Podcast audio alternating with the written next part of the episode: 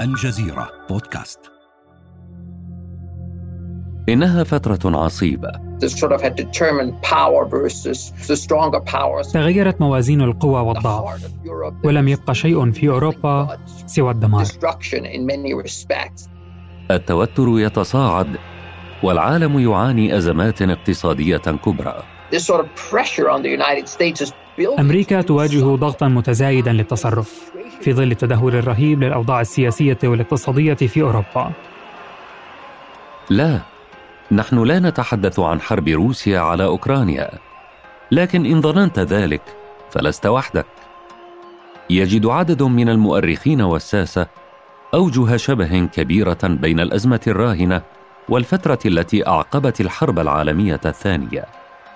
عندما ترافق صراع النفوذ بين القوتين العظميين وقتها مع تدهور في اقتصادات الدول الأوروبية التي أنهكتها الحرب. وضع حرج احتاج إلى خطة غير تقليدية. فكانت خطة مارشال. في هذه الحلقة نروي لكم كواليس ما سمي ببرنامج التعافي الأوروبي الذي أطلقه وزير الخارجية الأمريكي الأسبق جورج مارشال. بهدف معلن هو محاولة إنعاش الاقتصاد الأوروبي بعد الحرب العالمية الثانية. فهل من أهداف أخرى غير معلنة؟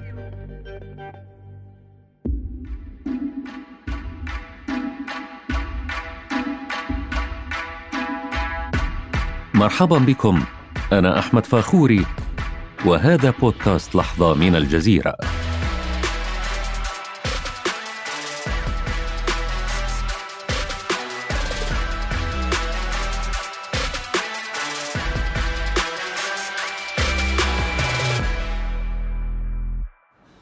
كان يوما مشمسا ومعتدل الأجواء. امتلأ مسرح جامعه هارفارد الأمريكية بالحضور. جاءوا من أجل أول حفل تخرج طبيعي منذ الحرب العالمية الثانية. عزفت فرقة الجامعة الموسيقية بينما تقدمت شخصيات بارزة لأخذ أماكنها في المسرح المغطى بمظلة قماشية باللونين الرمادي والأحمر. بينهم وزير الخارجية الأمريكي حينها الجنرال جورج مارشال الذي جاء لقبول درجة الدكتوراه الفخرية من الجامعة تكريما لدوره في انتصار الحلفاء في الحرب العالمية الثانية. لمع اسم مارشال في الحرب العالمية الأولى وعرف بمهاراته التنظيمية العالية. لك أن تقول أن مارشال كان رجلا عسكريا من نخبة النخبة. هذا الدكتور مايكل هولم المؤرخ والخبير في السياسة الخارجية للولايات المتحدة والحرب الباردة ومؤلف كتاب خطة مارشال صفقة جديدة لأوروبا. كان مارشال هو أكثر من اعتمد عليه الرئيس الأمريكي روزفلت في الحرب العالمية الثانية. أقام مارشال في العاصمة الأمريكية واشنطن خلال الحرب وكان المايسترو الذي رسم مشهد الحرب من هناك. جاء مقعد مارشال قرب شخص آخر أدى دورا بارزا في الحرب. إنه الفيزيائي روبرت أوبنهايمر الذي كان عمله محوريا في تطوير أول قنبلة ذرية. تحدثنا عنه في حلقة سابقة حول مشروع منهاتن كما تذكرون. عندما يحين دوره لإلقاء كلمته يصعد مارشال إلى المسرح ببذلته الرمادية وربطة عنقه الزرقاء.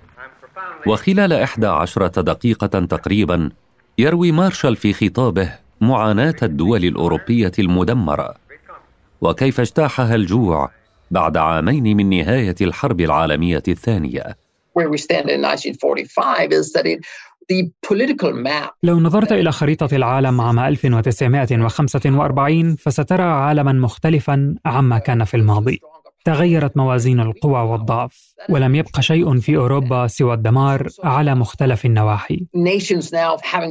وكان على دول أوروبا أن تخرج من ركام الحرب وتعيد بناء نفسها. يحدد مارشال تحدي ما بعد الحرب.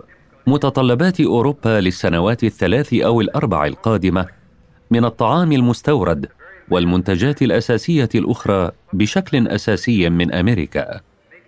متطلباتها أكبر بكثير من قدرتها الحالية على السداد ويجب أن تحصل على مساعدة إضافية كبيرة.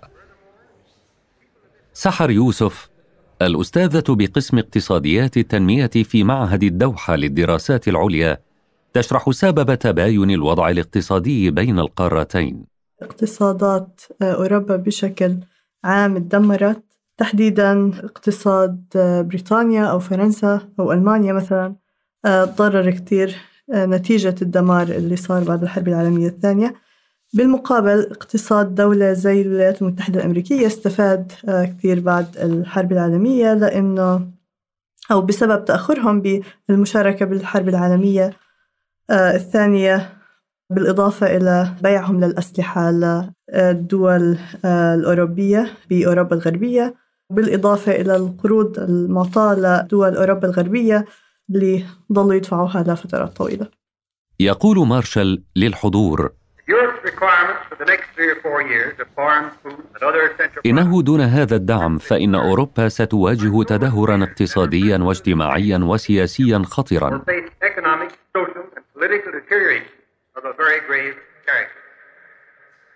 وهكذا أعلن عن أحد أكبر برامج المساعدة الاقتصادية في التاريخ من مسرح جامعة هارفارد في الخامس من يونيو حزيران عام 1947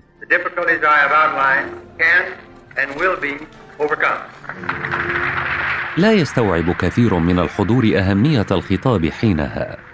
لكن برنامج المساعدات الذي عرف بخطة مارشال يغير علاقة الولايات المتحدة بأوروبا ويمهد لنشأة منظمات دولية لا تزال قائمة حتى اليوم.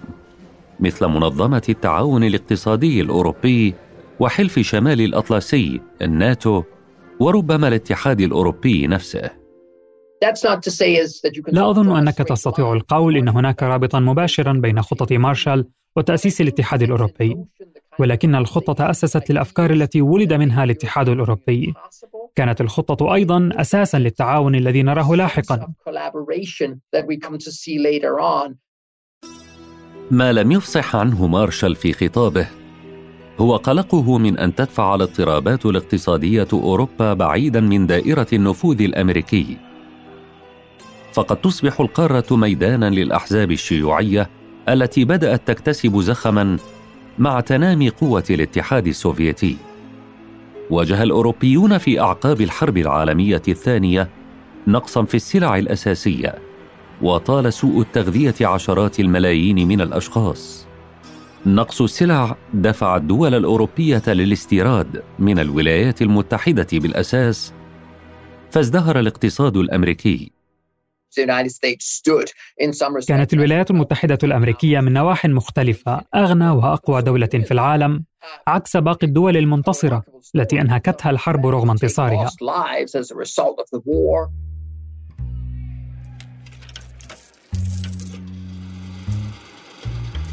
انعدام التكافؤ بين الجانبين أحدث ما يسمى بالفجوة الدولارية أي أن مخزون تلك الدول من الدولار الأمريكي لا يكفي لتلبية طلب العملاء الأجانب. فارتفع سعر الدولار بينما انخفضت قيمة العملات الأوروبية بشدة. وبحلول عام 1947 بدأ الأوروبيون يفقدون الثقة في عملاتهم وراقت لبعضهم الأفكار الشيوعية التي قد تأتي بحلول بديلة. ماجت أوروبا بمد شيوعي. تجلت ملامحه في بلاد مثل يوغوسلافيا واليونان كما ظهر الشيوعيون بقوة في فرنسا. أقلقت هذه الأجواء الإدارة الأمريكية برئاسة هاري ترومان ودفعته لبلورة ما سمي فيما بعد بمذهب ترومان. فرغم تحالف القوتين العظميين لهزيمة ألمانيا خلال الحرب العالمية الثانية فإن التنافس واختلاف الرؤى حول عالم ما بعد الحرب أديا إلى تصاعد التوتر بينهما.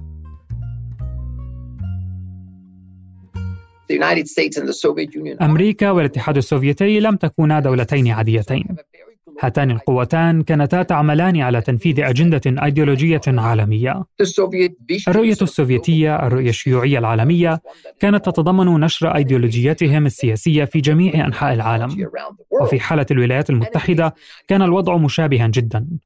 اقترح ترومان تقديم المساعدة إلى بلدان تعاني آثار الحرب العالمية الثانية ومعرضة للمد السوفيتي إليها ولا سيما اليونان وتركيا. رأى الأمريكيون أنهم يستطيعون منع انتشار الأفكار الشيوعية بإعادة إعمار الاقتصاد الأوروبي بسرعة. وهو ما سيلفت قلوب الناس بعيدا عن الشيوعية ويدفعهم لاعتناق النظام الليبرالي الديمقراطي. نعم. كان كل ما يحصل جزءا من أجندة سياسية. فخطة مارشال كانت سياسية أكثر مما هي اقتصادية ولا تستطيع أن تفصل بين هذا الجانب وذاك. بداية طلب ترومان من الكونغرس الموافقة على مبلغ 400 مليون دولار كمساعدات طارئة لليونان وتركيا. وفي يونيو حزيران 1947 اقترح وزير الخارجية مارشال توسيع نطاق المساعدة الاقتصادية إلى دول أوروبا الأخرى التي أنهكتها الحرب. كان مارشال يدرك أن أمريكا تواجه ضغطا متزايدا للتصرف في ظل التدهور الرهيب للأوضاع السياسية والاقتصادية في أوروبا. ولا يجب أن ننسى أن مارشال كان يعرف بلا شك أن ستالين والسوفييت كانوا سعيدين بما وصل إليه الحال في أوروبا الغربية التي كانت تنهار بسبب الظروف الاقتصادية. وهذه كانت الظروف التي دفعت وزارة الخارجية الأمريكية للتدخل، وبالفعل بدأت التحركات بين شهري أبريل ويونيو عام 1947 حيث بدأت أمريكا تنظر في السيناريوهات المحتملة ولذا كان القرار بتقديم المعونات المالية لأوروبا الغربية أو حتى الدول الأوروبية بصفة أوسع. عرضت خطة مارشال المساعدة على الاتحاد السوفيتي وحلفائه وليس على أوروبا الغربية فقط. إلا أن القلق السوفيتي بشأن الهيمنة الاقتصادية الأمريكية على أوروبا الشرقية قضى على احتمالات المشاركة السوفيتية. اجتمع وزير خارجية الاتحاد السوفيتي مع وزير الخارجية البريطاني ووزير الخارجية الفرنسي لمناقشة خطة مارشال. وعارض الوزير السوفيتي فيتشسلاف مولوتوف هيمنة الولايات المتحدة على جهود إعادة تأهيل الحياة الاقتصادية للدول الأوروبية. معتبرا أن هذا يتعارض مع مصالح الدول الأوروبية واستقلالها الاقتصادي وسيادتها الوطنية. أحد الأسباب التي دفعتهم لرفض خطة مارشال هي أنهم كانوا يرونها حيلة أمريكية لتحصيل معلومات استخبارية عن الاتحاد السوفيتي وترسيخ سيطرتهم. وكان هذا هو الخوف الحقيقي في موسكو. وكيف سيؤدي ذلك إلى نزع البساط من تحت الاتحاد السوفيتي على المدى الطويل؟ وطبعا من تحت المعسكر الشيوعي بأكمله. كانوا يرون أنها تمنح الأمريكان قدرا كبيرا جدا من النفوذ في مجال إعادة الإعمار الاقتصادي وربما أيضا في التطورات السياسية. أظن أن السوفييت كانوا يرون وهذا في عام 1947 كانوا يرون أن خطة مارشال هي بكل بساطة خطة رأسمالية وأنها تخفي وراءها أجندة سياسية. قال مولوتوف في بيان بعد الاجتماع في هذه الحالة لن تسهل الاعتمادات الأمريكية إعادة التأهيل الاقتصادي لأوروبا بل ستسهل استغلال بعض الدول الأوروبية ضد دول أوروبية أخرى. وهكذا رفض السوفييت الخطة ومنعوا دول أوروبا الشرقية من المشاركة فيها. واقتصر تنفيذ الخطة على 16 دولة انضمت إليهم ألمانيا الغربية لاحقا. جزء من الخطة كان يشترط على الدول الأوروبية بأن يكون هناك تعاون اقتصادي بين الدول. بالتالي كان تركيزه على الليبرالية الاقتصادية اللي هي ساعدت في انتشار الرأسمالية بدول أوروبا الغربية ومنعت من المد الشيوعي في هذه المنطقة. لتنفيذ الخطة أنشئت منظمتان. أولاهما وكالة التعاون الاقتصادي وهي ذات إدارة أمريكية. وثانيتهما ذات إدارة أوروبية هي المنظمة الأوروبية للتعاون الاقتصادي والتي سبقها تأسيس لجنة التعاون الاقتصادي الأوروبي لتحديد أولويات تعافي الاقتصاد الأوروبي. ظهور لجنة التعاون الاقتصادي كانت حجر الأساس الذي أدى إلى ظهور الاتحاد الأوروبي لاحقا لأنه أدى إلى آه، زيادة التعاون الاقتصادي بين هذه الدول حتى وصلوا إلى مرحلة إنشاء الكاستمز يونيون المعروف بالاتحاد الأوروبي. لم يكن الجانب السوفيتي الوحيد الذي سعى مارشال لإقناعه فلم تكن موافقة الكونغرس على خطة بهذا الحجم أمرا يسيرا. خشي أعضاء في الكونغرس من تأثير الخطة على الاقتصاد الأمريكي. في المقابل سعى القائمون على الخطة لحشد التأييد لها. سافروا في أنحاء الولايات المتحدة لعرض القضية على الشعب الأمريكي وأخيرا يقر الكونغرس قانون التعاون الاقتصادي في آذار مارس 1948 ويوافق على التمويل الذي وصل في النهاية إلى أكثر من 13 مليار دولار لإعادة إعمار أوروبا الغربية. لم يقف الاتحاد السوفيتي مكتوف الأيدي حيال خطة مارشال، فوضع خطة مضادة. أطلق عليها خطة مولوتوف نسبة إلى وزير خارجيته آنذاك. من بين أهدافها دفع الاقتصادات الأوروبية كي تدير نفسها ذاتيا وتحويل القارة الأوروبية كي تكون مصدر إنتاج صناعي للاتحاد السوفيتي وسوقا للسلع السوفيتية في آن. كانت خطة مولوتوف محاولة من السوفييت لتقديم خطة بديلة، وأسباب ذلك كانت واضحة، فدول أوروبا الشرقية كانت مهتمة جدا بخطة مارشال، ولكن موسكو أملت عليهم ألا يوافقوا عليها.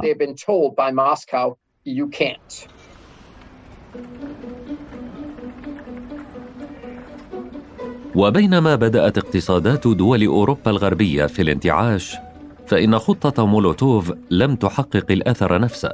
خطة مولوتوف كانت تستهدف الدول بأوروبا الشرقية فقط. كانت أقل سخاء من آه، خطة مارشال وأحد شروط الاتحاد السوفيتي في ذلك الوقت كانت على أن أي دولة دعمت دول المحور أو بقيت على الحياد بأن عليها أن تدفع تعويضات للاتحاد السوفيتي. بالتالي بالرغم من أن الدول بأوروبا الشرقية حصلت على منح من الاتحاد السوفيتي إلا أنها فعالية هذه الخطة كانت أقل بكثير من خطة مارشال. فخطة مارشال أدت إلى آه، انتعاش في الاقتصاد الأوروبي أدت لاحقا إلى أن يصبح الاقتصاد الأوروبي من أقوى الاقتصادات بالعالم. لكن خطة مولوتوف لم يكن لها نفس الأثر. بدأت موسكو تنظر إلى الانتعاش الاقتصادي لأوروبا الغربية وخاصة ألمانيا الغربية بارتياب. يرى محللون أن هذا مهد للحرب الباردة بين الولايات المتحدة والسوفييت، وأن حلف شمال الأطلسي الناتو ولد سنة 1949 من قلب هذا التوتر القائم بين المعسكرين الشرقي والغربي. وفي المقابل ولد حلف وارسو سنة 1955 وضم الاتحاد السوفيتي وعددا من الدول التي تميل نحو المعسكر الشرقي. أظن أن الخطة كانت ستختلف اختلافا كبيرا على أرض الواقع لو التزم السوفييت بها. ولكن مشاعر التوجس والقلق من الأجندة الأمريكية والمطامع الأمريكية دفعت السوفييت إلى الانسحاب من الخطة. أظن أيضا أنهم كانوا يتأملون أن الخطة ستنهار عندما ينسحبون منها وهذا طبعا لم يحدث. بل أدى ذلك إلى انقسام أوروبا ونشوء ما سماه تشرشل في مارس عام 1946 بالستار الحديدي. الستار الحديدي مصطلح يصف الحدود السياسية التي فصلت أوروبا إلى منطقتين. منطقة الدول التي كانت مرتبطة بالاتحاد السوفيتي أو متأثرة به على جانبه الشرقي والدول الأعضاء في حلف شمال الأطلسي على جانبه الغربي. لكن سحر يوسف ترى أن بذور الانقسام كانت موجودة بالفعل قبل خطة مارشال. نعم الجزء الغربي استفاد من خطة مارشال استفاد كثيرا من الدعم الأمريكي لكن لا أعتقد بأن خطة مارشال نفسها أو بأنه بإمكاننا القول بأن خطة مارشال كانت سبب هذا الانقسام بين ألمانيا الشرقية وألمانيا الغربية. السبب كان نتيجة الحرب بأنه تم تقسيم بين ألمانيا الشرقية وألمانيا الغربية سيطر الاتحاد السوفيتي على ألمانيا الشرقية وسيطرة الولايات المتحدة على ألمانيا الغربية. سواء أكانت خطة مارشال سبب الانقسام أم لا فإن الهوة بين الجانبين أخذت في الاتساع منذ ذلك الحين. ساهمت خطة مارشال في إعادة تشكيل أوروبا الغربية على الطراز الأمريكي. ولا أقصد هنا الهوية الثقافية ربما بل الجانب السياسي والاقتصادي في أوروبا الذي أصبح بالمجمل يتوافق مع الرؤى والقيم الأمريكية.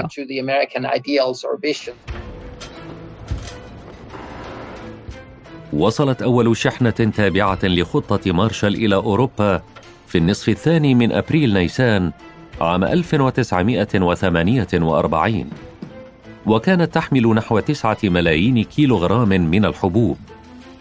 وبعد ذلك بدأ نقل الشحنات المختلفة التي تضمنت البذور والسماد والجرارات وغيرها. اختلف المؤرخون حول التأثير الدقيق لخطة مارشال على أوروبا فإضافة لتغذية التوتر بين الولايات المتحدة والاتحاد السوفيتي ذهبت خمسة في المئة من مساعدات الخطة إلى وكالة الاستخبارات المركزية الأمريكية CIA المشكلة حديثا لجمع المعلومات الاستخباراتية في الخارج بحسب بعض التقارير. ويشكك آخرون في الأثر المباشر لخطة مارشال في تعافي أوروبا بعد الحرب العالمية الثانية. إذ يقولون إن الاقتصاد الأوروبي كان بالفعل على طريق التعافي قبلها وإنه مع استئناف الاستثمار في المصانع والمعدات كانت أوروبا قادرة تماما على الانتعاش. من ناحية أخرى يعتقد آخرون أن الخطة نجحت في إنعاش الإنتاج الزراعي والصناعي وتحقيق مستوى معين من الاكتفاء الذاتي في الدول الأوروبية. هي نجحت في مساعدة دول أوروبا الغربية على على الوقوف على قدميها بعد الحرب العالمية الثانية. بما أنه هدفها الرئيسي كان أو هدفها الرئيسي المعلن على الأقل كان لإنعاش الاقتصاد الأوروبي فحسب هذه المعايير نعم نجحت خطة مارشال بإنعاش الاقتصاد الأوروبي. الدليل هو أن بعد عقود أصبح الاقتصاد الأوروبي اقتصاد الاتحاد الأوروبي أصبح من أقوى الاقتصادات بالعالم حتى أنه على الأقل في بعض المراحل أصبح أنجح من الاقتصاد الأمريكي. أو على الأقل الناتج المحلي الإجمالي لدول الاتحاد الأوروبي فاقت الناتج المحلي الإجمالي للولايات المتحدة الأمريكية.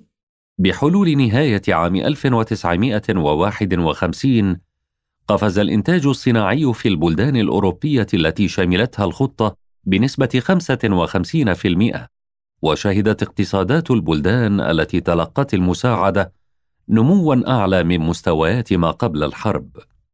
شهدت دول أوروبا الغربية ارتفاعا في ناتجها القومي الإجمالي بنسبة تتراوح من 15 إلى 25% خلال تلك الفترة. دفع هذا البعض إلى المناداة باستنساخ التجربة اليوم إن بحثتم على محرك جوجل عن عبارة نحتاج إلى خطة مارشال لأجل ستحصلون على آلاف النتائج. تتراوح النتائج بين خطة مارشال للكوكب إلى خطة لإنقاذ الأمازون وخطة لمدارسنا وأخرى لأمن الطاقة وحتى خطة مارشال للأمهات. وفي العام 1991 تعرض جورج بوش الأب لضغوط من أجل وضع خطة شبيهة لمساعدة روسيا بعد انهيار الاتحاد السوفيتي. وفي عام 2003 وبعد الدمار الذي سببه الغزو الأمريكي للعراق، زعم جورج بوش الابن أن جهود إعادة إعمار العراق خطة مارشال جديدة. واليوم يطالب سياسيون غربيون بخطة مارشال جديدة لتعافي أوكرانيا. لكن سياسيين آخرين يرون جانبا مغايرا للخطة. ففي خطاب ألقاه بمناسبة الذكرى السبعين لخطة مارشال قال وزير الخارجية الألماني الأسبق سيغمار جابرييل إن سياسة جورج مارشال لم تكن بدافع الإيثار بل كانت سياسة بعيدة النظر اعتمدتها الولايات المتحدة لتحقيق مصالحها الخاصة. وحتى الدور الذي نسب للخطة في تحقيق التقارب الأوروبي اعتبره جابرييل نابعا من إدراك مارشال أن أوروبا القوية والموحدة تصب في مصلحة الولايات المتحدة. هي كانت تؤسس الأفكار الرأسمالية بأوروبا لأن الشرط الأساسي فيها كان آه، مبني على الاقتصاد الليبرالي وعلى التجارة الحرة. فهذا أدى إلى ترسيخ الرأسمالية في أوروبا الغربية هذا لا يعني أن الرأسمالية لم تكن موجودة في ذلك الوقت لكن كان هناك منافسة بين النظام الرأسمالي بأوروبا الغربية والنظام الشيوعي الذي كان يحاول السيطرة على أوروبا الغربية فخطة مارشال ساعدت بترسيخ الرأسمالية وبمنع المد الشيوعي في ذلك الوقت. Thank you very much.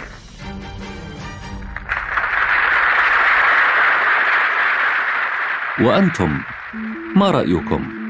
هل هدفت خطة مارشال إلى إعادة إعمار أوروبا فقط؟ أم إلى ترسيخ الهيمنة الأمريكية فيها؟ وهل تستغل الدول المانحة برامج المساعدات لتمرير سياساتها شاركونا آراءكم وتعليقاتكم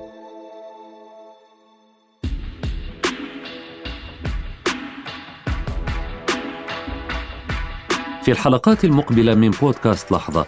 سأحكي لكم أنا أحمد فاخوري عن لحظات مفصلية أخرى من تاريخ منطقتنا والعالم. انتظرونا ولا تنسوا زيارة موقعنا على الإنترنت podcast.aljazeera.net ومشاركة هذه الحلقة مع أصدقائكم. إلى اللقاء.